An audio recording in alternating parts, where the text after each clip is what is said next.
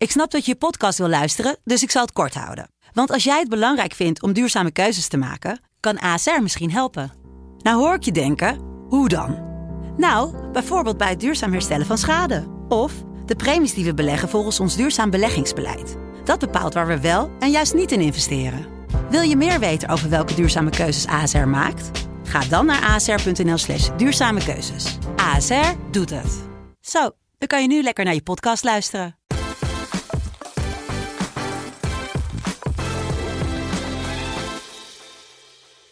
Hoi, leuk dat je luistert naar alweer een nieuwe aflevering van de Voetbalpodcast. Mijn naam is Erik Elias en ik zit hier natuurlijk weer met Sam Planting, Hoi Erik. maar vandaag zonder Jimmy. Ja, waar is hij? Eh, waar hij is, ja, hij is ziek, dus hij is er vandaag niet bij. Ik vind het natuurlijk heel jammer, maar we gaan wel gewoon lekker het WK eh, ja, nabeschouwen. We hebben het even in twee delen opgeknipt. Eén deel hebben we vanmiddag al gedaan voor de wedstrijden. Ja, En eh, ja, we zijn nu, hebben we alle wedstrijden gekeken. En dan gaan we daar even over praten. Dus ja, wil je met Argentinië beginnen, Sam? ja natuurlijk. Dit is En dan nieuws, later, later krijgen de mensen nog te horen wat we allemaal hebben gezegd over alle andere groepen. Ja. Oké, nou, Argentinië, ja. Argentinië 0, Kroatië 3. Vooraf een pool waarin veel mensen hadden voorspeld. Argentinië gaat door, Kroatië gaat door. Argentinië gooit de formatie om naar een, naar een, naar een 3-4-2-1. Met heel veel spelers waarvan ik denk, ze komen niet in hun kracht te spelen. Het heeft eigenlijk geen seconde echt gelopen. En ja, Kroatië wint die wedstrijd eigenlijk vrij makkelijk.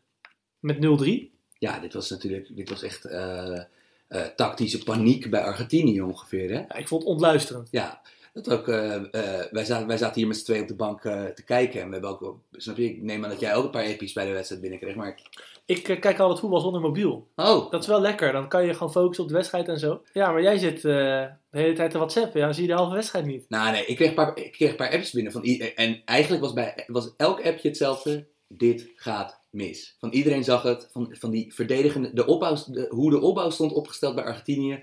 Met die drie achterin. De, en met de keeper die zoveel opbouwverantwoordelijkheid zou krijgen. En met wingbacks die geen wingbacks meer waren. Maar Mascherano die in de bal kwam om op te halen met, met, met jongens. Ja, kijk. Ik vind Argentinië moet erop ingericht zijn om Messi de bal te geven op de helft van de tegenstander. En vandaag heb je een systeem gezien waarin dat niet het geval was. En dan als ook nog de restverdediging niet op orde is. En er gewoon heel veel matige verdedigers op het veld zijn. Want laten we wel zijn. Salvio wordt rechtsback gezet. In een, weliswaar met drie man achteren, maar toch is geen rechtsback. Acuna is een heel beperkte Die speler. jongen op links speelde een waanzinnig slechte wedstrijd. Nou, Tagliafico hebben we ook gezien dat dit misschien een niveautje voor hem te hoog is. Mercado is geen betrouwbare voetballer. Otamendi heeft zo nu en dan zijn foutjes. Ja, dus uiteindelijk zit je gewoon te kijken naar een team met ontzettend veel talentvolle centrale aanvallers. De beste voetballer aller tijden. Maar het werkt gewoon niet. Ja, wat, wat iedereen eh, op Twitter zullen de opsommingen van eh, welke geweldige spelers Argentinië wel niet heeft en eh, hoe dit nou kan gebeuren. Maar je kan er maar een paar Je opstellen. kan er maar een paar opstellen. Ja, dus het maakt niet uit of je nog acht spitsen erachter hebt. En nu moet ik wel zijn. zeggen dat zowel jij als ik zullen het niet heel erg eens zijn met wie er naast Messi werd opgesteld. Nee, ik had het anders weggezet. Maar laten we het eens over beginnen. Hè? Want we zitten nu heel veel over, over de coach te praten. Tenminste, over zijn keuzes en dergelijke. Om te vinden dat, dat het niet goed uitpakte en dergelijke. Maar eh, hoe had jij het aangepakt bijvoorbeeld? Nou, eh, allereerst, ik heb hier de, ik heb hier de Who Scored pagina van de wedstrijd openstaan. Dat heb ik even tijdens jouw verhaal gedaan. Dat er twee veldspelers zijn eh, bij Argentinië die minder, minder passes hebben verzonden dan Lionel Messi. Dat zijn eh, Aguero, Dat kan natuurlijk nooit. Nee, Aguero die gewisseld werd en Salvio die gewisseld werd. Dus de centrumspits en de, en de rechter wingback. Maar ja, Messi kreeg de bal gewoon niet. En allereerst, laten we allereerst even positief beginnen. Dat eh, Kroatië Hadden het gewoon goed voor elkaar. had het goed voor elkaar. Hadden één tactische aanpassing gedaan ten opzichte van de eerste wedstrijd. In de eerste wedstrijd speelden ze 4-2-3-1 met Rakitic en Modric voor de eigen verdediging. Eh, en dan drie, drie aanvallers achter één centrumspits. En ze hadden er één van die aanvallers, Kramaric, hadden ze er afgehaald. En Marcelo Brozovic hadden ze er neergezet. Dat is van origine een aanvallende middenvelder bij Inter, maar kan ook verdedigend middenveld spelen. beetje een soort Lasse Schöne move is dat, hè? Ja, Om maar het even naar Nederland te vertalen. ik vond hem, ik bedoel, Mo- Modric en eh, Rakitic zullen natuurlijk alle, alle, alle lof krijgen voor hoe ze het spel, hoe ze het tempo en het spel dicteerden vandaag. En ook die omschakelingen elke keer eh, tot, stand zet, tot stand lieten komen met geweldige passes. Maar Brozovic was echt ijzersterk als zes. En deze drie, dit zijn eigenlijk drie technische middenvelders, die schermden de, in verdedigend opzicht dat centrum echt uitstekend af. Ja, want we hebben best wel vaak gezien, zeker nadat ze op voorsprong gaan gekomen, dat Argentinië de bal kreeg. En dan hielden ze het gewoon goed dicht. En ze hebben werkers voorin staan. Ja. dat ook Argentinië, of, of eh, Kroatië, bijvoorbeeld de voorhoede die ze vandaag hadden, dus met Perisic, Mandzukic en Rebic, dat was echt een redelijke clinic van hoe je als aanvaller mee verdedigt. Dat zijn ook allemaal jongens met techniek, maar die ook werkerstypes zijn. Ja, ik vond het ook grappig om te zien dat af en toe Mandzukic wisselde met Perisic. Dan kwam Mandzukic weer op de rechterflank als een soort tweede rechtsback. Nou, ongelooflijk wat die voor een werkhouding heeft ook. Ja. En ja, goed, over Argentinië. Wil je er nog meer over zeggen? Ik bedoel, ja, zeker. Ik vond die laatste 10 minuten vond ik nog het meest ontluisterend. Als je bijvoorbeeld ook die 3-0 ziet. Dat ze allemaal buitenspel staan te vragen voor Rakitic dat het geen buitenspel is. Loop dan door, weet je. Misschien is doelsaldo nog belangrijk. Ja. Misschien komt het nog wel aan op één doelpunt zo. Nee, zeker. Want dat gaat, ik bedoel, de ploegen waarmee je om die tweede plaats gaat strijden, dat zijn natuurlijk niet ploegen die eh 1, 2, eh, Nigeria en IJsland zijn. Dat, dat zijn natuurlijk geen ploegen die eh, automatisch, eh, snap je, ik bedoel, Nigeria kreeg echt, eh, was wel heel stroperig tegen Kroatië. En ook IJsland is IJsland. Is IJsland. Ja, dus Eh, dat zijn niet de, de, de teams die heel veel goals gaan Nee, maken. dus een do- het doelsaldo kan extreem waardevol zijn. En eigenlijk gaf ze het op in de slotfase. Ja, bij die 3-0. Kijk, dat die 2-0 erin valt van Modric. Oké, dat is gewoon een mooi schot. Ik denk dat een betere keeper hem had gehad. Ik vind, ik vind het altijd moeilijk, maar hij oogde... Ik bedoel, Modric krul- krulde hem mooi in de, onderhoek, maar eh, hij zag een beetje houdbaar uit. Ja, een beetje heel erg houdbaar, vond ik. Maar goed, dat is altijd eh Ja, maar Willy had de schijn natuurlijk tegen door die enorme blunder bij de ene. Ja, oké. maar goed. Ik, ik heb eigenlijk vanaf het begin al gedacht dat Sampaoli met deze groep is gewoon een, een, een, een- mismatch. Dat past niet bij elkaar. Hij kan zijn voetbal niet spelen met deze groep.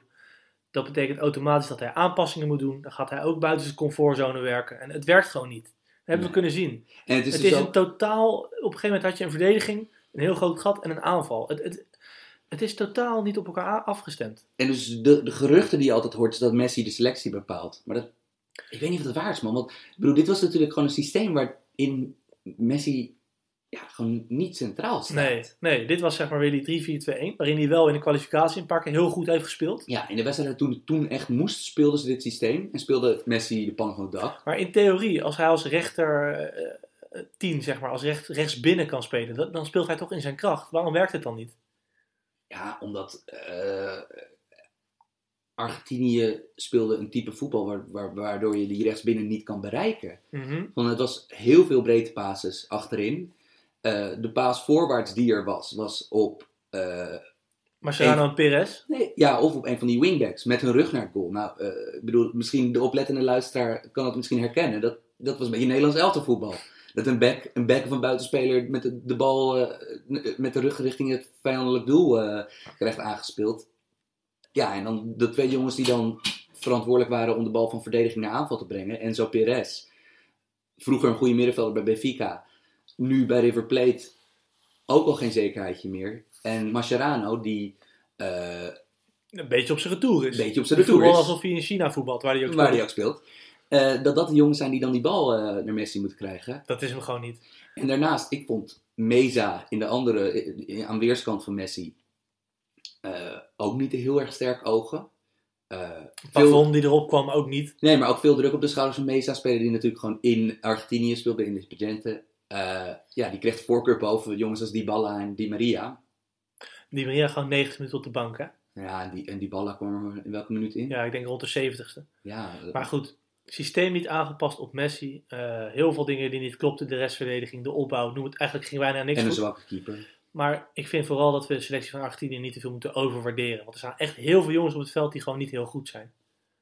Ja, Is dat een beetje een goede samenvatting? En dan ook nog een coach die niet helemaal het voetbal kan spelen wat hij wil. ja. En dan krijg je dit. Nou, maar ja, precies. En ik vind ook dat, dat je een systeem voetbal ging spelen dat Mercado en Tagliafico. Mercado is een, ja, zeg maar, die zit tegen de eerste elf aan bij Sevilla. En is gewoon een vrij roekeloze, eh, techniekloze verdediger. En Tagliafico is Tagliafico, ja, die is prima. Maar Ja. dat is ook, snap je? Maar Otamendi in grote ruimte wordt niemand vrolijk van. Het is gewoon geen bijzondere ploeg. Echt niet.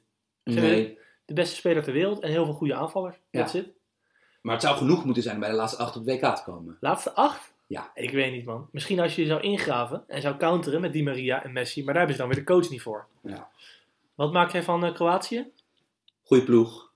Ehm, net niet ge- goed genoeg om een kans op de wereldtitel te maken. Ik denk wel goed genoeg om bij de laatste vier te komen op dit toernooi.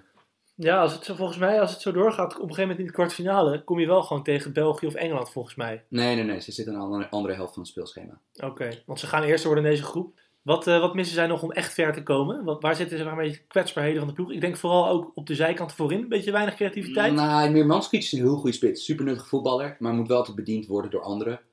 Ehm, en ik vind de linkerkant van hun verdediging, dus linksback Strinic en, en, de, en de knipoog Kroaat Domagoj Vida, dat zijn kwetsbare verdedigers.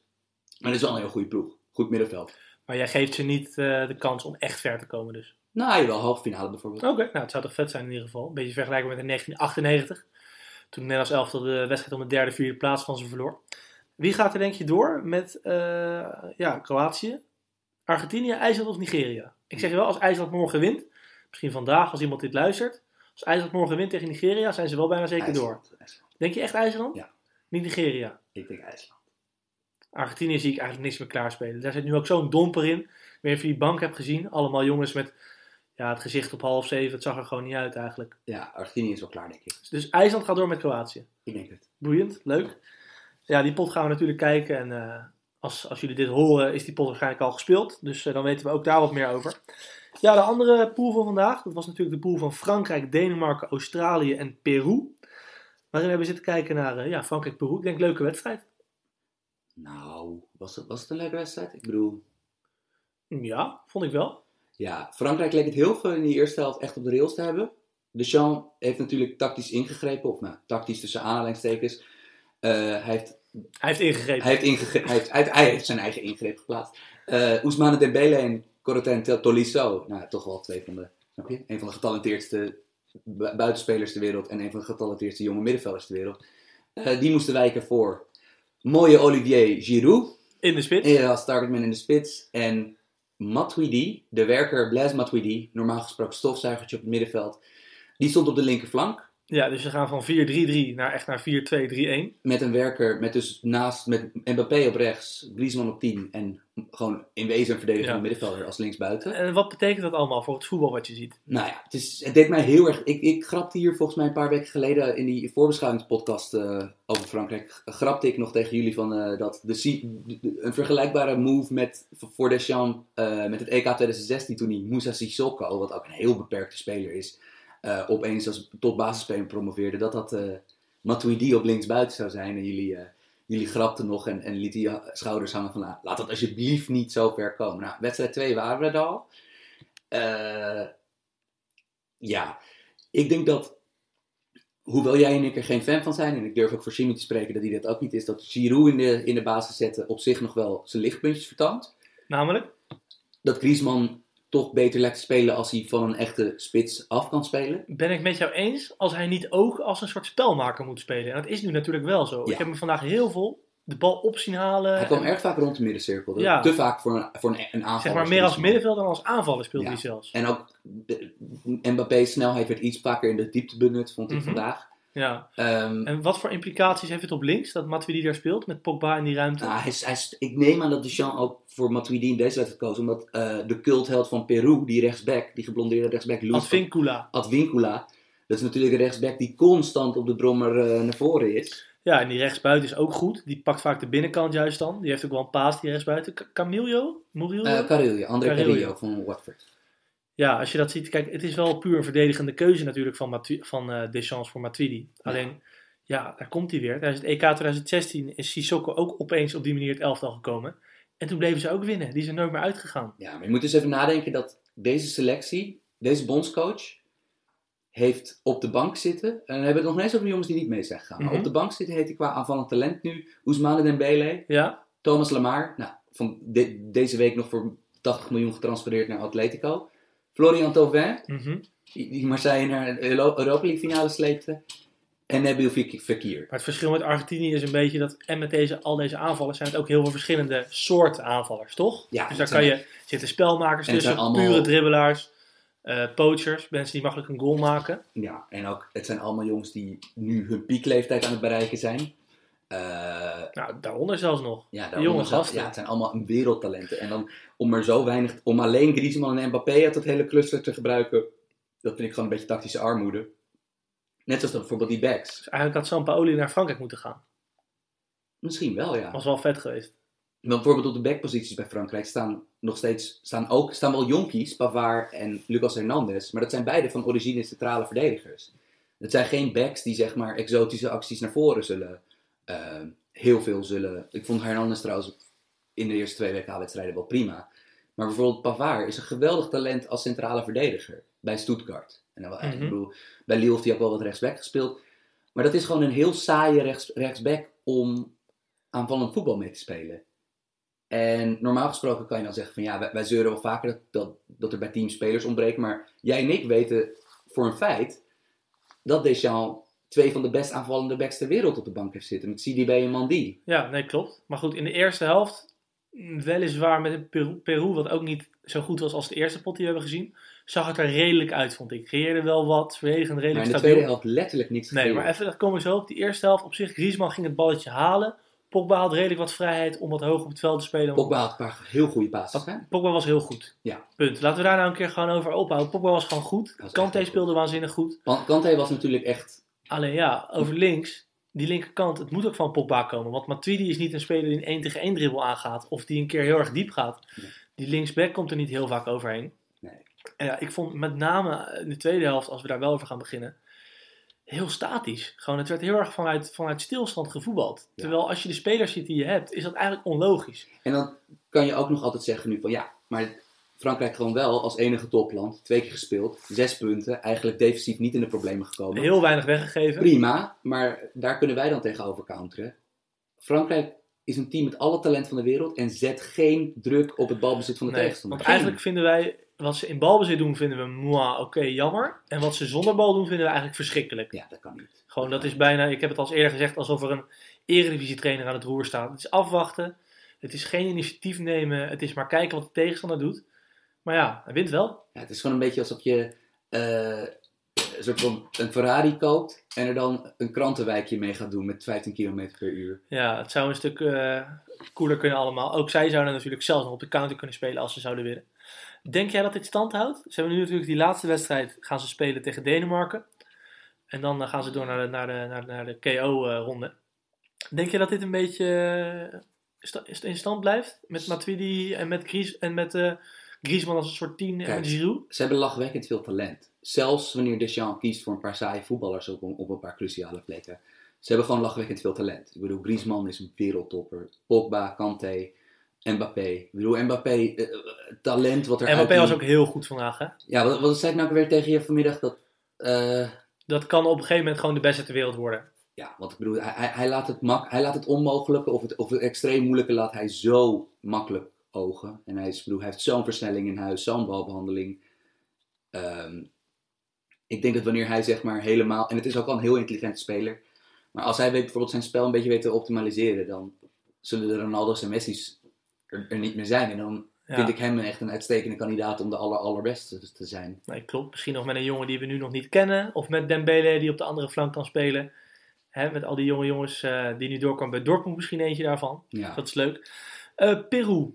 Veel harten gestolen, weinig punten. Ja, en ook, ik vond het ook wel een beetje gezocht allemaal hoor. Dat iedereen zei van, oh, Peru, onze Ja. hart veroverd. Ze speelden, ze speelden leuk Speelden tegen leuk. Denemarken.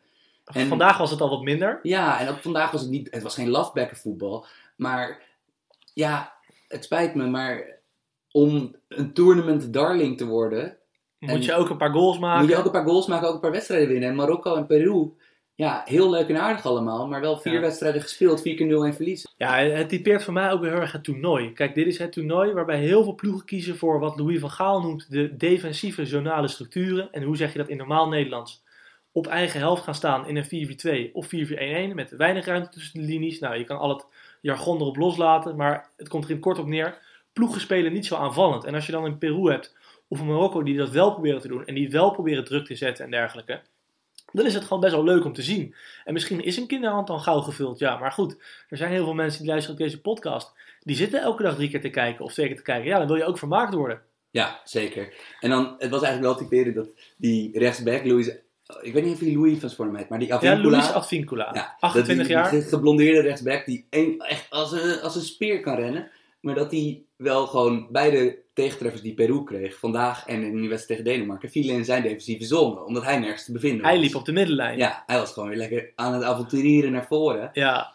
Eh, ja, dit is inderdaad moeilijk. Ik denk dat we nog één underdog hebben die zeg maar echt een beetje positief aanvallend voetbal spelen. En dat is Japan. Eh, maar daar hebben we het volgens mij later nog even volgens mij. ja, dat hebben we vanmiddag goed besproken. Dus Ja. daar eh, kunnen de mensen zich nu alvast op verheugen. Dat was een mooie discussie. Nou, een goede ruzie was het. Nee, het was een discussie. We hebben nooit ruzie. Heb je nog een andere wedstrijd die we vandaag hebben gezien in deze pool? Namelijk eh, Denemarken, Australië. Denemarken-Australië. Hmm, het was wel spannend. Het was wel leuk qua scoreverloop.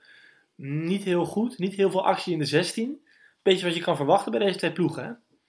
Ja, dat... eh, Denemarken, knappe goal van Eriksen. Echt heel knap. Hele knappe goal, ja. Jurgensen legt hem goed neer. Maar van alle spelers die nu in Rusland zijn voor dat WK, hoeveel zouden hem zo met hun verkeerde been binnentrappen? Ik denk heel weinig. Op deze snelheid. Hij raakt hem echt goed. Naar deze afstand. Jurgensen speelde prima hoor, legde die bal goed neer. Maar dat was echt Eriksen zijn goal. En het was eigenlijk... We kregen eigenlijk 90 minuten lang de Lasse Schöne exhibition. Gewoon van, we kregen te zien wat hij geweldig kan. Snap je? Als hij wat tijd aan de bal heeft, kan hij het spel heerlijk verdelen. Ik bedoel, het is natuurlijk... Er zijn weinig technischere middenvelders dan Lasse Schöne. Nou, op, op het WK ook? Nou, ik zeg met als hij een beetje tijd heeft. Ik bedoel, Ja, de, echte wereldtop, de Modric'en van deze wereld hebben niet per se tijd nodig. Maar ehm, hij was natuurlijk verdedigend vandaag ja, vrij kwetsbaar. En ook, Ja. het probleem met hem is, als, hij, als zijn mannetje eenmaal bij hem weg is, hij heeft, Komt hij er ook niet meer hij bij? heeft niet de herstelsnelheid om daar weer bij te Je komen. zegt soms over een back van die kom je twee keer tegen. Ja. Lasse kom je één keer tegen. En als je hem dan voorbij bent, dan is het ook klaar. Maar inderdaad, aan de bal prima. En hij speelde vandaag een stuk beter dan toen hij inviel eh, volgepot. Alleen ja, grote ruimtes voetballen is moeilijk voor hem. Dat zien we bij Ajax ook wel eens. En vandaag ook. Ja, bij Van Marwijk, stug ploegje neergezet. Eh, ja, en als het inderdaad waar is dat hij PSV gaat doen met Mark van Bommel, ben ik wel benieuwd hoe dat eruit ziet in de Champions League volgend jaar. Als PSV tegen een Real Madrid moet of weet ik veel wat. Het is wel leuk als we dan een keer niet afgedroogd worden omdat we mandekking spelen. Eh, Maar aan de andere kant, de wedstrijd werd pas leuk toen die tiener, toen de jongste jongen van het WK erin kwam, die Daniel Arzani. Ja, dat is een leuke voetbal. Ja, in Iran geboren, dribbelkunstenaar. Eh, had de wedstrijd ook wel een beetje nodig. En eh, eigenlijk wel jammer dat hij niet vanaf het begin speelt bij Australië. Want gewoon echt leuk voetballen. Ja, ik denk dat Van Mark dan toch denkt, kan hij 90 minuten lang zijn taken uitvoeren met paaslijnen dicht houden en mannetjes dekken. Ik, ik weet niet of ik dat ook een jongen van 19 zou toevertrouwen hoor, op het hoogste tempo tegen een Frankrijk of Denemarken. Ja, hij zit eh, bij Melbourne City, dus bij het Australië-filiaal van Manchester City. Het zou me niks verbazen als die ooit in, de, in de overstap naar Europa maakt. Bij Girona of zo. Zoiets. Dat, eh, Misschien wel City. Hij viel leuk in. Ja, ja, ja, leuk Maar we zitten nu toch al op basis van 20 minuten dat hij heeft gespeeld te praten. Hè? Dus Ja, dan dat kunnen we wel een eh, goed oordeel vellen. Australië kan gewoon nog door hè. Ja. Kan je even een scenario schetsen hoe dat... Ja hoor, je hebt nu eh, Peru-Australië. Peru is al uitgeschakeld, dus speelt nergens meer voor. Die spelen met de tweede kern. Stel, dat kan gebeuren. Australië wint, hebben ze vier punten. Denemarken verliest 2-0 van Frankrijk. En dan is Australië gewoon door. Dus, maar Simpel als dat. een salonremise voor Frankrijk en Denemarken Maar waarom zou Frankrijk dat doen? Een Omdat salon- zij eerste worden in de pool dan. Ja, oké, maar ja. Oké, anders zouden Denemarken zou toch niet van hun winnen. Nou, oké, kijk. Het is voetbal. Hè? Balletjes rond, maar dat zie ik niet gebeuren. Oké, ik ben benieuwd. Ja, ik ook. Ja, dat zou wel een redelijk verrassing zijn als Australië. Dan krijgen we nu weer al die discussies. Maar Moet- heeft, heeft Australië de kwaliteiten om Peru te verslaan? Nou ja, weet ik niet. Want voetballend is natuurlijk Peru een sterkere ploeg. Ja, zeker. Maar goed, als die Advincula weer rechtsbuiten gaat spelen en ze kunnen counteren, ja, wie weet. Ja. Ik weet het niet. Ik denk dat Australië gewoon, eh, dat het knap is van Bert van Mark dat ze in de derde speelronde nog meedoen om, doorgaan, om door te gaan naar de knock-out fase. Dus dat eh, heeft Bert goed gedaan, denk ik, in die korte tijd dat hij daar werkzaam is. Ja, toch wel genoten van deze ploeg. Vandaag ook weer wel leuke wedstrijden gezien. Het, het ligt nog een beetje open. Peru, leuke ploeg. Frankrijk toch de enige topfavoriet die twee keer wint. Dus wel een leuke pool dit. Ja, ja prima. Dan gaan we nu door eh, naar het volgende deel van de podcast, wat we vanmiddag hebben opgenomen. Maar dat begint met dat ik praat, Sam. Dus nu moet jij even wat zeggen wat slim is en dan gaan we door. Eh, Oeh, wat een druk. Eh, tot nu toe, dit WK, leuk dat het er is, maar het kan leuker. Nee, hartstikke duidelijk. Gaan we nu naar groep B. Ja, daar zien we de ploeg die naar huis mag als een van de eerste ploegen. Toch wel jammer, waar heel veel mensen in Nederland voor waren, inclusief ikzelf. Inclusief heel veel mensen in Nederland die daar een videoboodschap hebben over eh, ingenomen. Ja, Marokko gaat naar huis met nul punten. Ja. ja, nee, voor mij is het hoogtepunt bij het WK tot nu toe dat mijn, mijn, mijn, mijn grote vriend slash held Henk Spaan, dat hij eh, in, een, eh, in een weide stond hij Ziyech toe te zingen. En toen dacht ik, nee, dat, dat kan het niet meer misgaan. Dat heb ik heel even gemist. ja, dat was goed. Welke context was dit? Misschien ter promotie van de, de Alle Ballen op Ziyech? Dit was op televisie. Weet ik, volgens mij was het een online, on- online bo- boodschap eh, gewoon voor Thomas, die, die hier... twe- Thomas Rijsman, die een documentaire maakt, mede over ons, maar natuurlijk ook over Pieter Zwart. Die maakt inderdaad op Facebook een show over, die heet Alle Ballen op Ziyech, hè? ja, En daar was het ter promotie van. ik denk het. Ik weet het niet zeker eigenlijk. Dat was jouw hoogtepunt van het WK, Henk Spaan.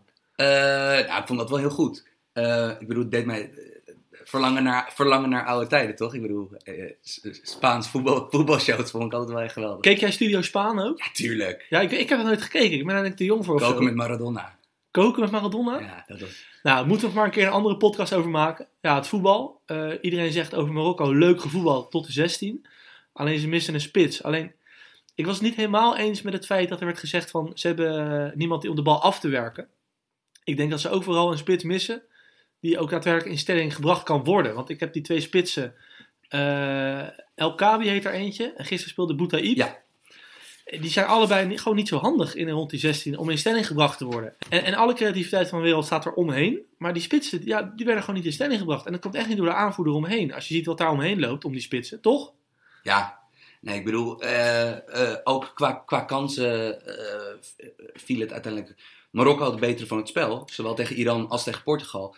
Maar ja, ze creëren uiteindelijk eh, kansen in twee wedstrijden ter, ter waarde van anderhalf expected goal. Ik zit even te kijken hoeveel, hoeveel doelpogingen. Het waren wel veel doelpogingen. Ze hadden er 15 tegen, tegen Portugal, 15 doelpogingen. En eh, tegen Iran 13. Dus dat zijn er 28 doelpogingen in twee wedstrijden. Dat is wel veel. Maar ja, echt uitgelezen kansen. Hun grootste kans op dit WK was alsnog die korte corner in de derde minuut van dit WK tegen Iran, waar, waar Ziyech over de bal heen maait. Eh, die, kreeg, die, die kreeg dan geen expected goal maar de, waarde, maar dat was... eh, Mhm. Dus we zouden kunnen zeggen dat heel Marokko een beetje heeft geleden aan de Ziyech-ziekte. Van wel veel schieten, maar weinig waarde daarvan. Ja, en het was toch van, ik bedoel, ja, het voetbal was, was in, in, in de eerste 80 meter van het veld, snap je, vanuit eigen goal bezien, was het goed. Twee wedstrijden ook gewoon. Zowel tegen Iran als tegen Portugal. Gewoon goed gevoetbald. Ja, Vond je niet? nou, tegen Iran was het in de tweede helft, hadden ze wel heel veel moeite tegen dat lage Maar ik vond het gisteren ook, Portugal liet het ook wel een beetje gebeuren hoor. Tuurlijk. Ze hebben ook niet, niet de uitgelezen mogelijkheden gehad. Hè? En de uitblinkers bij Portugal waren de centrale verdedigers, vond ja, ik. want Peppe was natuurlijk weer klassiek aan het peppen. Met eh, dat hij een eh, licht schouderklopje van Benatia en een, eh, de ontketening van eh, WO3 ongeveer zat na te spelen. Maar hij kan natuurlijk wel gewoon verschrikkelijk goed verdedigen. En die Fonte is ook gewoon een goede verdediger. En ja, dan mogen ze misschien allebei wel op leeftijd zijn, maar redelijk ongenaakbaar. Ja, maar tegen die spits hè? uit de Marokkaanse competitie was dat volgens mij. En die El Kabi, El Kaab. Ik moet zijn naam El even opzoeken. Maar El Kabi, ik weet niet waar die jongen speelt. in Marokko. Ja. Toch? En die, en die Boutaïb? Die, die speelde in. eh, eh, volgens mij speelde die afgelopen jaar in, eh, in, de, in de Turkse Super League in de, bij middenmotor. En hij speelde daarvoor bij. volgens mij Amiens.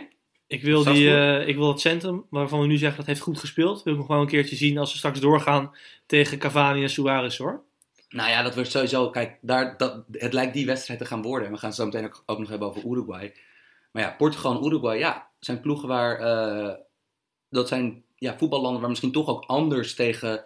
eh, dan de speelmanier wordt gekeken dan hier in Nederland. Ja, je kan aan de ene kant zeggen dat Portugal heeft gewoon een individueel betere ploeg dan Marokko. En waarom zouden ze zich na zo'n vroege eh, openingstreffer zo in laten graven?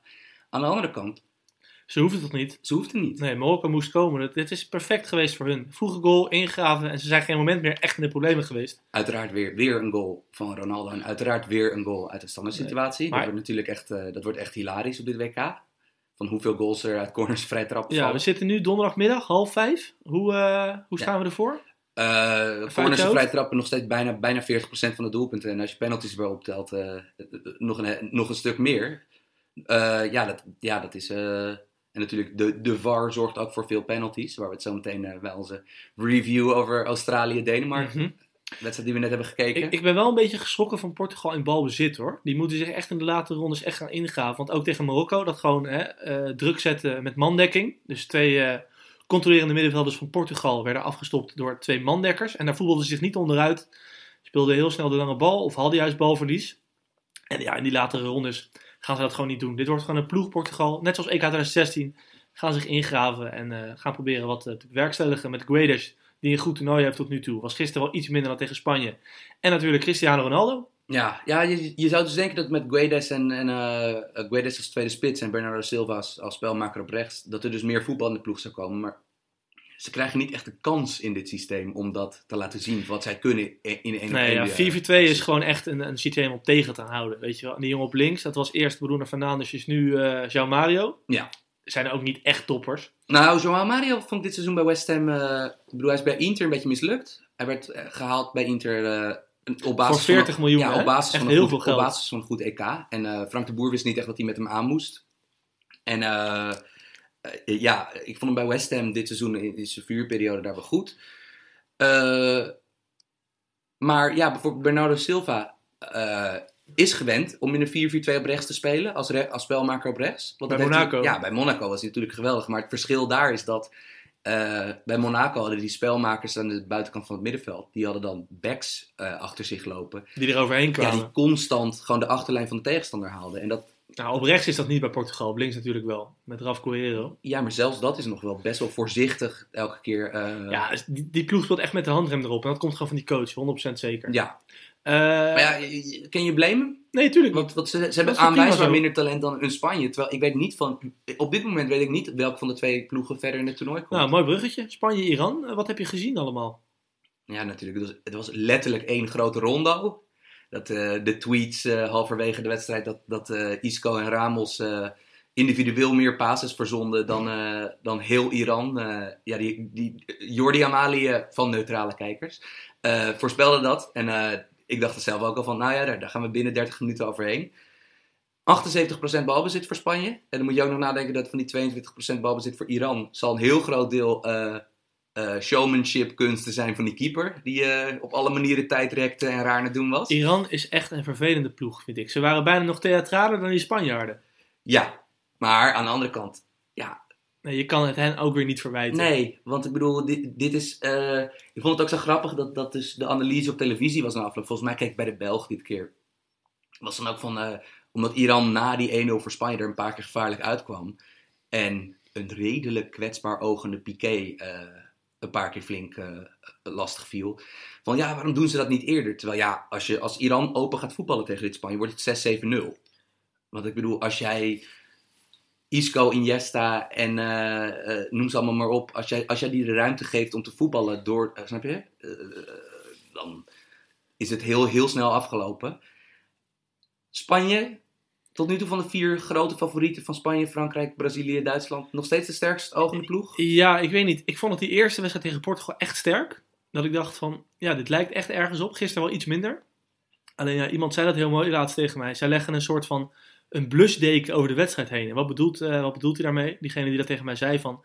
Ze spelen alleen maar op de helft van de tegenstander, zonder dat het heel erg gevaarlijk wordt. Ja. En die tegenstander komt ook niet meer van die helft af. Dus je zit heel vaak naar hetzelfde te kijken. Ja, hypnosevoetbal. Ja, ik weet niet of dat een goede term is, maar, maar er gebeurt niet zoveel. Maar het is wel heel goed wat ze doen. Want Ja. de tegenstander komt letterlijk niet van zijn helft af. En Gewoon echt heel knap. 5 à 10 minuten achter elkaar af en toe. Als je Isco, Iniesta, David Silva, als je die aan de Ja. bal ziet. Dat zijn natuurlijk zulke kunstenaars. Ja, ik, ik denk dat zij heel bang moeten zijn voor ploegen als Mexico. Die heel goed kunnen counteren en dergelijke. Want ja, met dit voetbal doen ze het al een tijdje. Maar ik, ik weet niet zeker. Ik ben minder overtuigd na gisteren. Want ze creëren wel weinig hoor.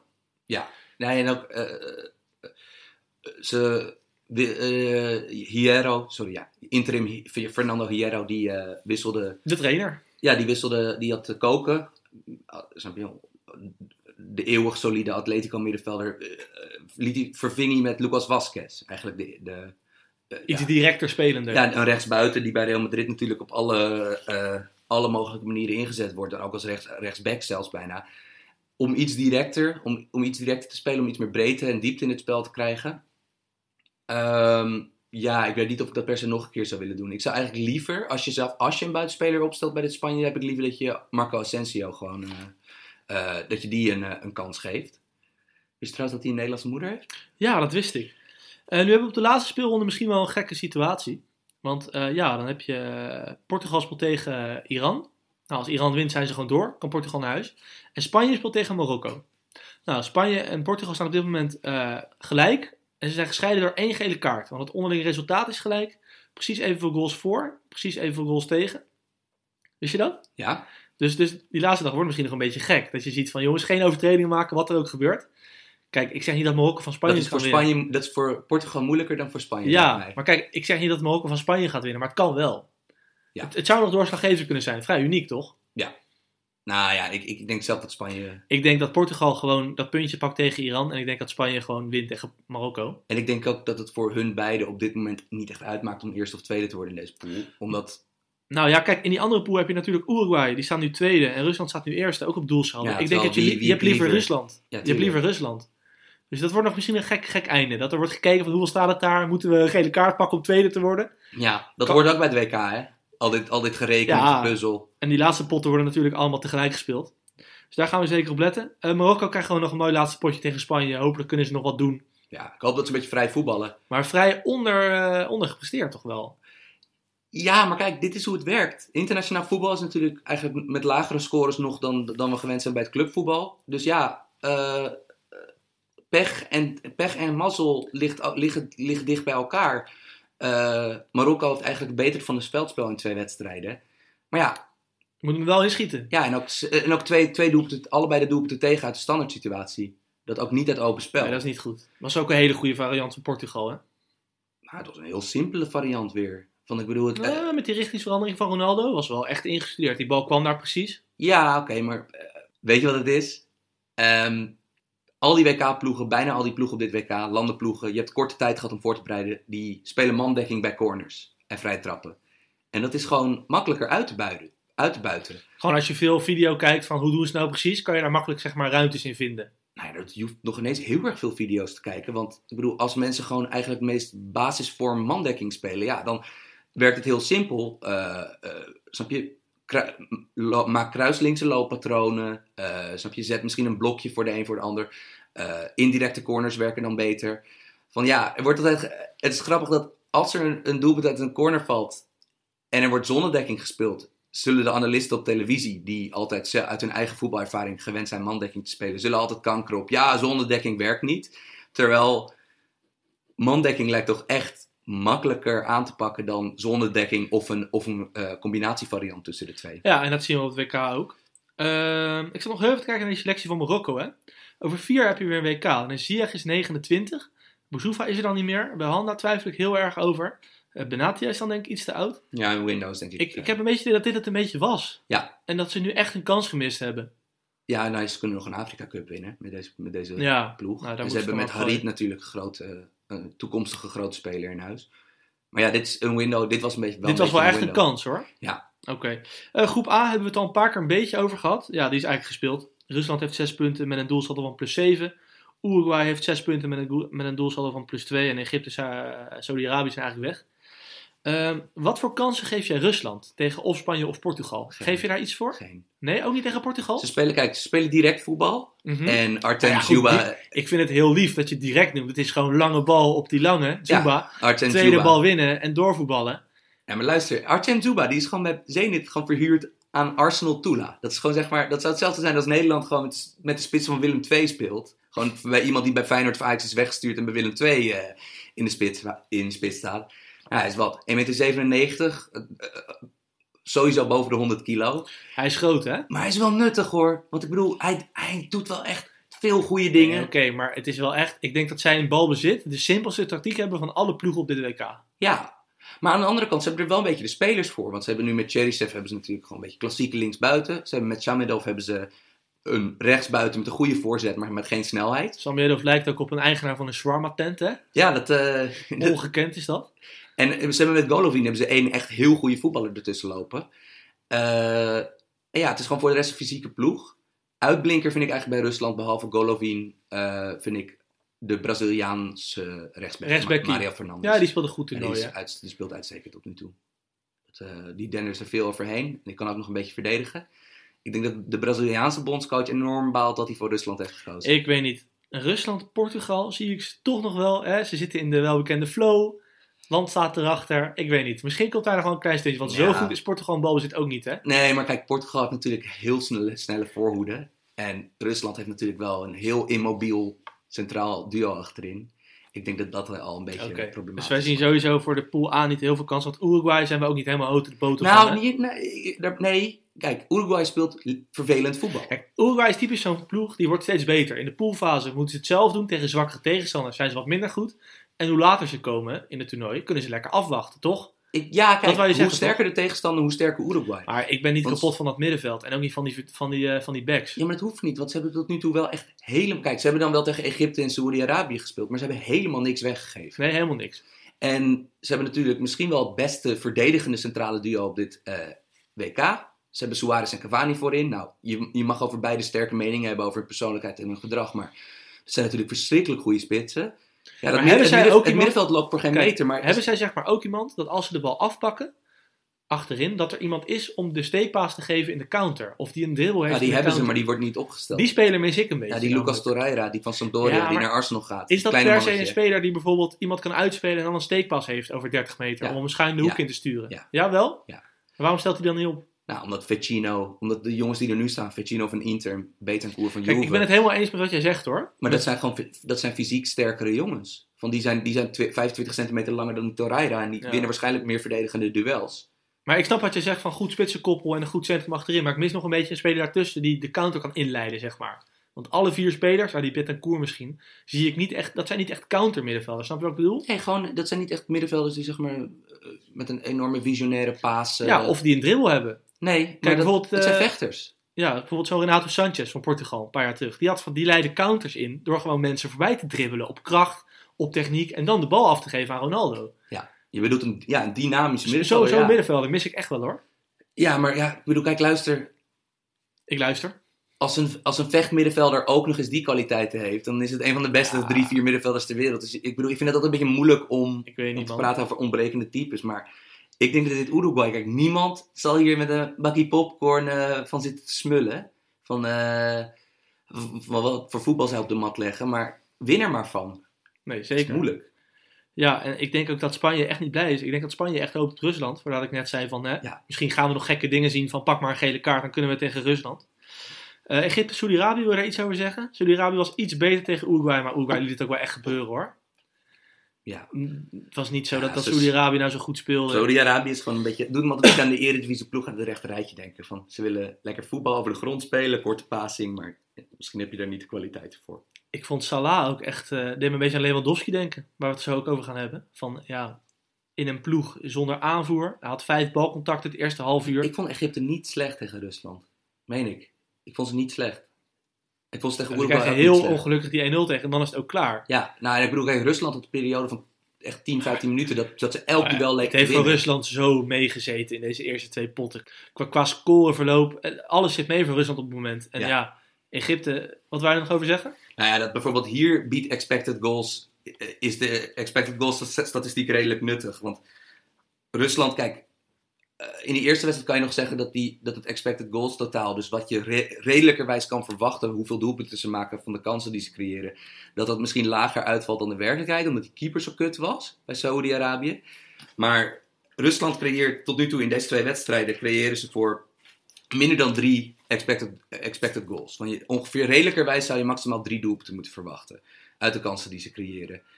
Maar ja, als Cherisev eh, twee keer een bal in de bovenhoek schiet, eh, Zuba zeg maar, eh, ja, eh, eh, opeens verandert in een soort van 1,95 meter lange Lewandowski. Eh, ja, dan, dan, eh, het werkt zo, maar ja, of het een herhaalbaar kunstje is, dat is de vraag. En ik denk eerlijk gezegd dat. eh, ik vind het leuk voor Rusland. Want ik, vond niet, ik vind nou niet dat, het, dat, dat, stadion echt hek, dat die stadions echt heksenketels zijn als Rusland speelt. Het is natuurlijk een beetje een conservatief volk, die Russen. Oké, Erik. Nee, ik moet niet te veel mensen over één kam scheren. Maar ik ben het met je eens. Ik vind de sfeer in de stadions een beetje dood. En dat heb ik ook bij... bij ik heb gevoel dat er heel veel mensen in het stadion zitten die niet voor een van de twee ploegen zijn. Dat het een beetje bekoeld is allemaal. Ik mis echt die gekte. Kijk, zoals dat volkslied werd meegeschreeuwd door al die Marokkanen. Dat heb ik echt een beetje gemist nog, tot nu toe. Ik mis een beetje echt die pure fanbeleving vanaf Nou, de tribunes. Me- Mexico had wel. een Kijk, en wij zijn natuurlijk voetbalnerds, maar we vinden het wel mooi als er gewoon lekker geschreeuwd wordt in het stadion. Ja, tuurlijk. We zitten niet alleen maar te kijken hoe, eh, hoe de opbouw verloopt en hoe de druk wordt gezet en noem maar op. Nee, tuurlijk Dus niet. dat is ook voor ons gewoon, eh, gewoon lekker. Hey, Pool H. Eh, ja, de, de, de, de echte WK-pool, zoals die wordt genoemd. Eh, Japan, Senegal, Polen, Colombia. Eh, we hebben nu de eerste wedstrijden gezien. Ik denk met groep A wel de minste pool van het WK hoor. Qua spelers en qua wat we te zien hebben gekregen. Ja, er is, er is, er is conflict in de, in de voetbalpodcast eh, groep. Want eh, eh, jij lijkt helemaal, terwijl jij in de voorbereiding nog heel erg enthousiast was over Japan. of Nee, nee, nee, geval- stop, stop, stop, stop, stop. Nu maak je een fout. Ik heb in de voorbereiding veel gepraat over Japan. En gezegd, ja, waarschijnlijk wordt het niet veel. En dat verwar jij met je was enthousiast. Ik heb ze gevolgd, ik heb alle wedstrijden gezien. En ik heb steeds gezegd, het gaat niet veel worden. Nou, Erik, ik ben, ik, ben, ik ben echt oprecht enthousiast over Japan. En ik weet dat jij gaat zeggen van ja, ze hebben vanaf minuut 3 tegen 10 man gespeeld. voor Dat is wel lekker, toch? Is Als wel lekker. Als Helpt je mee. 90 minuten van de 95 tegen 10 man speelt, dan ga je wel beter lijken. Hé, maar ik vond dit voor. Dit, dit zou zogenaamd de zwakste ploeg zijn van de vier. Ik denk dat wij, wij, wij drietjes ons daar ook schuldig aan hebben gemaakt. Maar dat lijkt mij niet. Ik vond het een ploeg waar, ik vond een ploeg waar je redelijk veel, komt die jargon wordt, aanknopingspunten te vinden had. even voor de luisteraars. Ik kreeg na drie minuten, het was Colombia-Japan. Colombia kreeg na drie minuten een rode kaart omdat Davison Sanchez een inschattingsfout had. En toen heeft Sanchez, heet die jongen? Carlos Sanchez. Carlos Sanchez een rode kaart gekregen. Toen is het eh, vanaf de derde minuut tot het eind 10 tegen 11 gevonden en op, eh, geworden. En op basis daarvan eh, vindt Sam dat ze goed hebben gevoetbald. Want dus het stond 1-1 bij rust en Japan heeft nog uit een corner de 2-1 gemaakt. En het open spel bijna niks gecreëerd. Dat is een beetje waarom Sam vindt dat ze goed zijn. Ik, vond het, ik vond het gewoon goed in elkaar Noem eens drie uitblinkers van Japan. Makoto Hasebe, de aanvoerder, Ja, helemaal eens. Goed controleerde middenvelder. Ik vond de middenvelder die naast hem stond, Shibasaki, die Mhm. speelt bij Getafe, vond ik Die goed spelen. alles breed of achteruit. Nou, vond ik goed spelen. Ik vond eh, de linksback die eh, tien jaar lang bij Inter heeft, heeft rondgelopen Nagatomo. en bij Gala speelt, eh, Nagatomo. Ik vond het prima wedstrijd spelen. Die werd Spitsie. twee keer helemaal geduld door Quintero. Spitsie, Yuya, Praat er maar overheen. Spitsie, Yuya Ozako. Goed, goed hardwerkend, hardwerkend aanspeelpunt. Ik ga niet de hele tijd flauw doen. Osaka speelde goed. Waarbij het mij opviel dat hij ook echt tegen Davison Sanchez, die wij hoog hebben zitten in Nederland, gewoon echt makkelijk ruimte kon vinden. Een paar keer bij hem wegdraaide ook. Ik vond de linksbuiten, die bij Eibar ook meestal een goede dingen Inouye. laat zien. Takashi Inouye, die gaf onze PSV-jongen Santiago Arias een moeilijke middag. Het was geen goede dag voor de Colombia-spelers die wij uit de Eredivisie kennen. Nee, ze hadden, eh, Santiago Arias die gaat natuurlijk een mooie transfer naar, naar, naar een grote club maken. Maar dit is natuurlijk, laten we hopen dat die clubs niet zo dom zijn dat ze op basis van een WK-wedstrijd, één WK-wedstrijd gaan scouten. Nou, hij werd wel bij die corner ook echt geklopt, hè, door. Osako. Ja, Dat ik echt dacht van, nou, ik weet niet als Juve dat ziet, of je er heel blij van wordt. toch, toch schat ik dit Colombia nog niet kansloos in. Nee, ik ook niet. Want Games speelde, Games, de, de grootste Games speelde natuurlijk. Nou ja, kijk, ze hebben een helft lang tegen elf Japanners het spel gemaakt met z'n tienen. Totdat ze die goal hebben gemaakt aan een vrije trap. En op dat moment ging Japan wel meer aanvallen. Maar ze hebben, Japan heeft zich in laten zakken. Colombia heeft gewoon gevoetbald. Ja, De 10 tegen 11. En als ze een beetje druk zetten op Japan, dan leverde Japan de bal weer in. Ja. Japan was echt niet goed. Echt niet. ja oké. Eh, agree to disagree. Eh Games Rodriguez was dus uiteindelijk bleek toch helemaal niet fit te zijn. Want de berichten waren dat, dat de grote ster gewoon het zou halen. Maar ja, hij zat op de bank. Ik denk ook dat de bondscoach dat het niet zijn bedoeling was dat hij, eh, eh, dat hij nog zou invallen. Want hij heeft een half uur meegedaan. Eh, wat, wat, wat bedoel je? Denk je dat hij hem wilde sparen? ik denk dat hij hem wilde sparen. Ik denk dat, dat, dat hij gewoon had gedacht van nou, we zien over Japan vijf, pakken we wel. weer. Ja, of, of pak een punt, wat dan ook. Ja, en ook vreemd dat dus eigenlijk om te compenseren voor de rode kaart haalde hij zijn andere sterspeler eraf, Quad- Quadrado. Vond ik een goede wissel. Kijk, je weet, je moet een goal maken. Je weet niet wanneer die goal gaat vallen. Dus je weet dat je weinig ruimte hebt. Quadrado heeft ruimte nodig. Quintero is een onwijs creatieve speler. En je kan hem niet... Want Quintero ging na de rode kaart een beetje wat naar achteren spelen. Dat kan je niet 90 minuten doen. Ja. Dus ik vond het eigenlijk een hele logische Hij wissel. maakte, eh, Quintero maakte zijn, waar speelt hij ondertussen? Speelt hij ook in de Mexicaanse competitie of zo? ja, ja, volgens mij wel. Hij maakt, zijn, hij maakt weer gewoon zijn naam als eeuwige belofte waar. Want als je hem, vanda- als je hem in die wedstrijd zag spelen, hij deed wel weer echt heel, heel bijzondere Hij heeft dingen. een beetje het Ochoa-syndroom. Van op het WK is hij heel goed. En tussendoor is het niet heel bijzonder. Nee, maar, kan, nee, maar ik bedoel, kijk, Ocho is een keeper. En daar is natuurlijk de, de sample size van voorbeelden waarin iemand kan uitblinken of kan falen klein. Terwijl hij, hij speelt gewoon, snap je? Hij neemt ballen aan, hij verstuurt lange passes die niet zo heel erg veel andere middenvelders kunnen.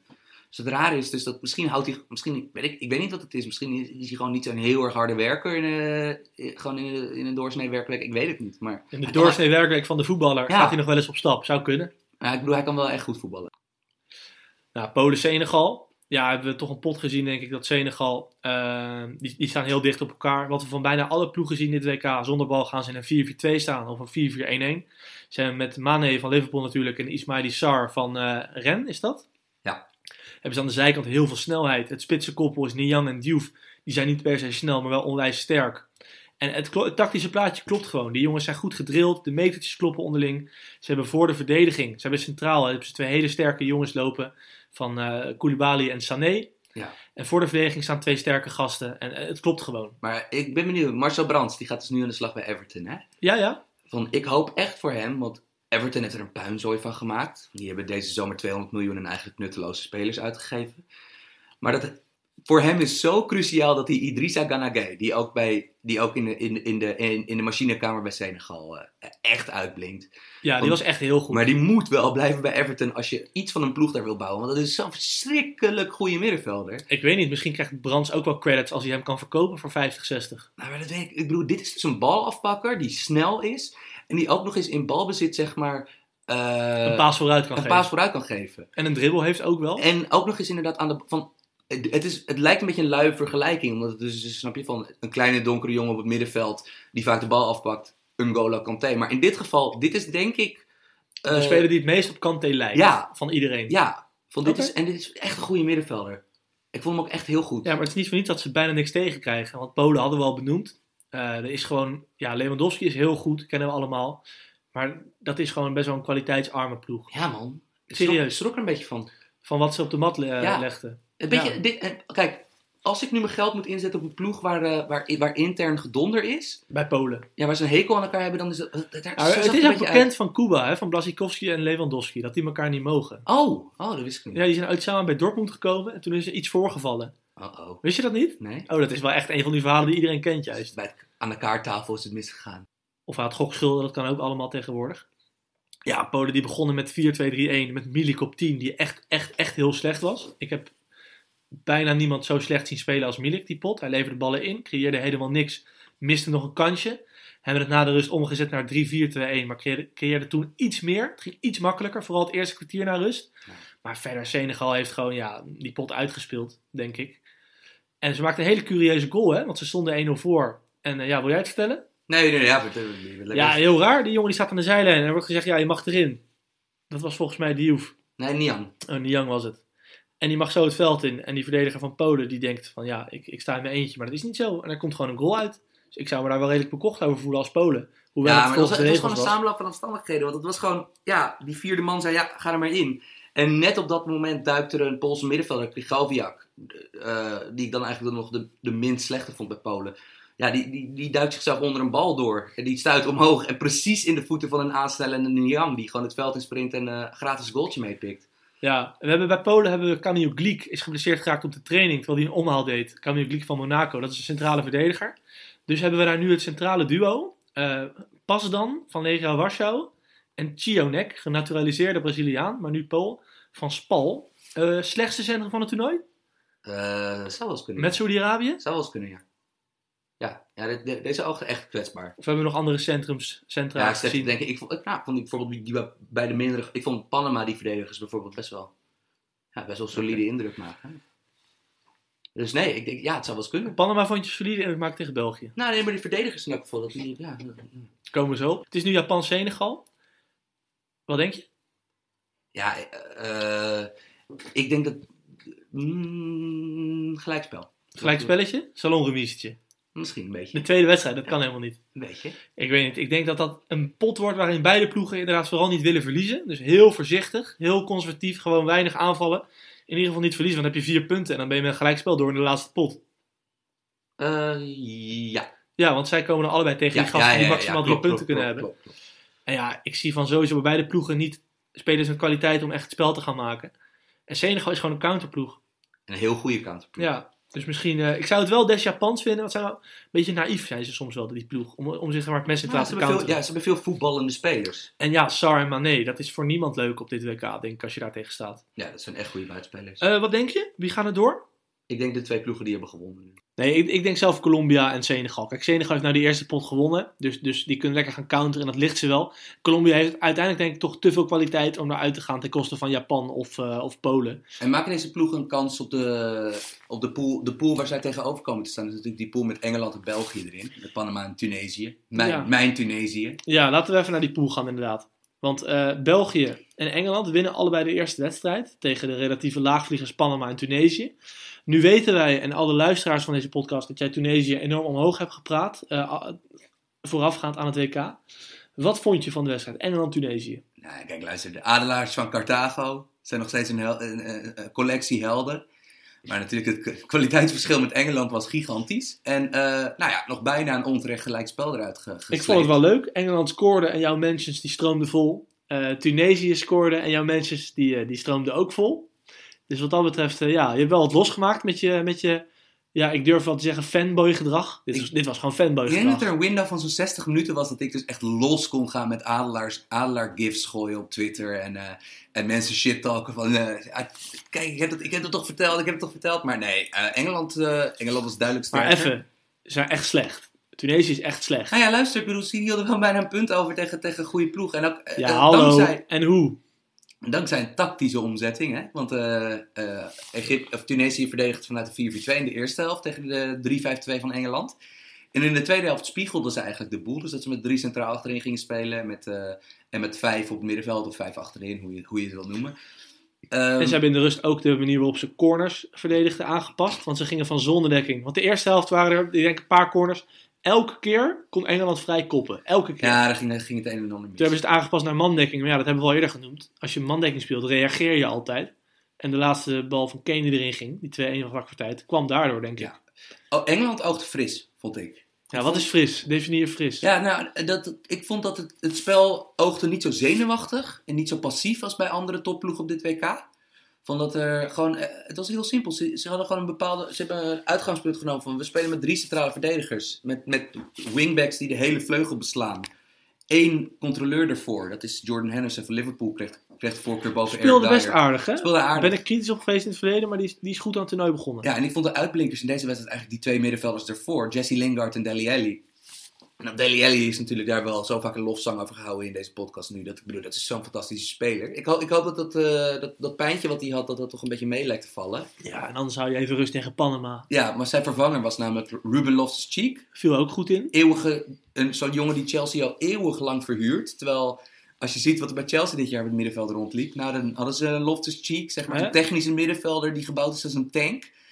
Ja, die kunnen ze er wel bij gebruiken. Die is beter dan Bakayoko, Drinkwater. Nou, die is beter dan al die jongens bij elkaar. Ik bedoel, als je die naast Kanté op het middenveld zet, dan heb je, heb je wat daar. Ja, Eh, ik, vond al, ik vond ook, eh, voorin eh, stond Sterling, speelde in de rug van, van Kane.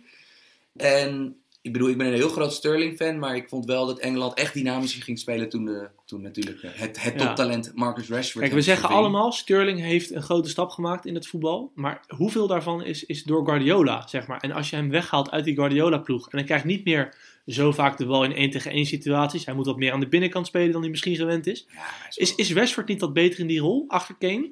Ik denk dat, kijk, Rashford is een van de grootste talenten ter wereld. En doordat hij bij Manchester United Mourinho als trainer heeft, gaat het nu een beetje, snap je, gaat dat trager, gaat dat trager dan verwacht.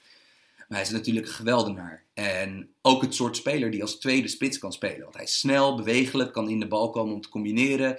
Kan, snap je, kan, kan naast een, een ballenvasthouder als Kane kan hij voor diepte zorgen. Eh, ja, het ik, ik bedoel, ik denk dat Southgate nog wel heel veel vasthoudt aan Sterling. Maar het zou me niks verbazen als zowel Rashford als Loftus-Cheek, twee jongelingen, als die er nog bij komen. Maar ik denk dat we best de analyse kunnen maken... dat Sterling een beter seizoen heeft gehad... maar dat Rashford op dit moment beter bij deze ploeg past. Ja, dat zou wel eens kunnen. Ik, ik, ik wil het nog heel veel aanzien. Ehm, in elk geval, dit gaat natuurlijk een beetje... Ik bedoel, deze pool gaat lopen zoals we van tevoren... Ja, het lullige hierbij is sowieso dat België en Engeland is ook de laatste wedstrijd. Dus als ze, als ze winnen van Panama en Tunesië allebei, wat gaat gebeuren waarschijnlijk? Die laatste pot, dat gaat dan nog om wie, eh, om wie Senegal kan ontlopen.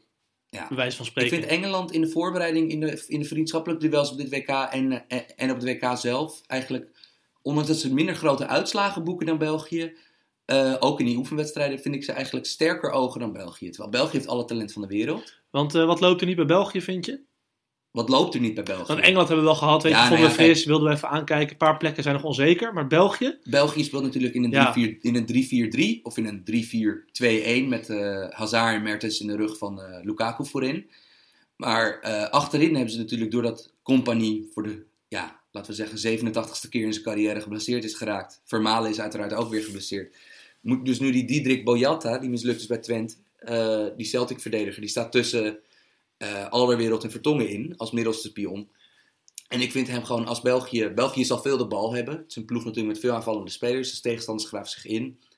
En die Boyata is gewoon niet de man die jij wil dat het spel opbouwt. Ik bedoel, ja, die kan gewoon niet echt voetballen.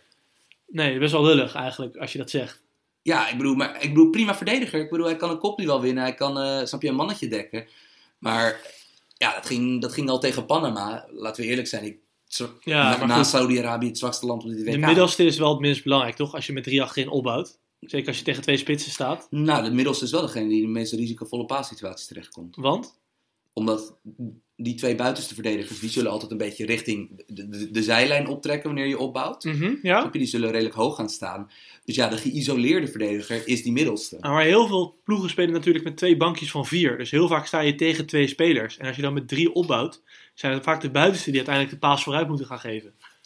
Ja, op Twitter vroegen wij ook aan, eh, aan, onze Belgi aan een Belgische vriend van de podcast, Guillaume. Eh, Ma wij, wij gokken altijd dat het Mabe is. We weten, Laat maar even weten, Guillaume. Ja, Eh, we, we weten dat je elke week luistert. We vinden je internetfilmpjes over tactiek super tof. We weten alleen niet hoe je je achternaam uitspreekt. ja, lompe Nederlanders dat we zijn. Ma, ma even. Eh, ik, vroeg, ik, vroeg, ik, vroeg, ik vroeg aan hem wat, nou de andere, wat, wat de andere opties voor België hadden kunnen zijn op dit WK om, om ertussen in te zetten. Nou, dan heb je Leander den Donker, die van, van Anderlecht, die oors- oorspronkelijk een, een middenvelder is.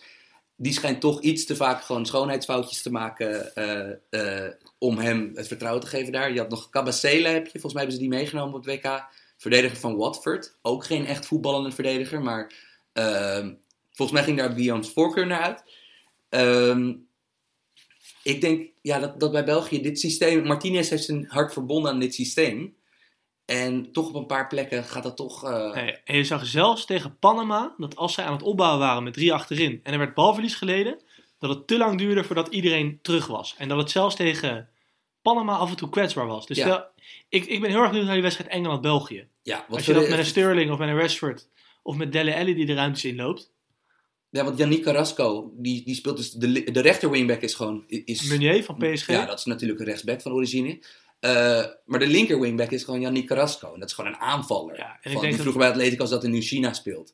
Van, eh, Die speelde bij Atletico soms wel spits. ja, als een van de twee spitsen in een 4-4-2. Dus En die hebben we zelfs, ik denk dat iedereen dat heeft gezien op het moment, dat Vertongen helemaal gek werd op hem, Ja. omdat hij niet Want terugverdedigde. hij gaf de grote. eh, ik bedoel, het was doordat hij niet op, op tijd meeverdedigde, gaf hij nog grote kansen Panama weg. En ja, tegen Panama kan je dat beter doen dan tegen Engeland. Maar dit zijn wel de elf waarmee Martinez het blijft doen, hè? Ja. Dit, dit, dit is het gewoon. Ja, dat is het. En als je, ja oké, ze hebben een lekkere loting. Ze komen tegen Senegal of, of Polen of Japan of Colombia. Zie jij het daarna, zie je ze ver komen? Op basis van wat je nu hebt gezien? Oh, of wil je ja. nog even afwachten tegen Engeland? Nou kijk, het is natuurlijk een slapende reus. Want qua absoluut talent, als je het bij elkaar optelt, van dit is natuurlijk gewoon echt. eh, ja, gewoon een, een echte topploeg. Van je hebt Lukaku, topspits. Eh, stel dat die nog vervangt, heb je Batshuayi, topspits. Met Hazard en De Bruyne heb je twee echte pure wereldtoppers. Mertens is geweldig. Carrasco kan heel veel met de bal. Eh, Witsel is geen onaardige middenvelder. En Moussa Dembele nog op de bank. Want ze hebben echt heel erg veel goede voetballers. Het Vertongen kunnen verschrikkelijk goed opbouwen. Van, ja, als dit puzzeltje valt, dan kan het ook, snap je, echt vallen. Maar ik geloof er niet in. Oké.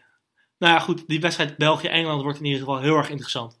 hey, we zijn er doorheen. Dankjewel voor het luisteren. Eh, het is een beetje... Hè, sommige delen hebben we smiddags opgenomen. Andere delen s'avonds. Maar we hebben er in ieder geval een mooie hele podcast van kunnen maken.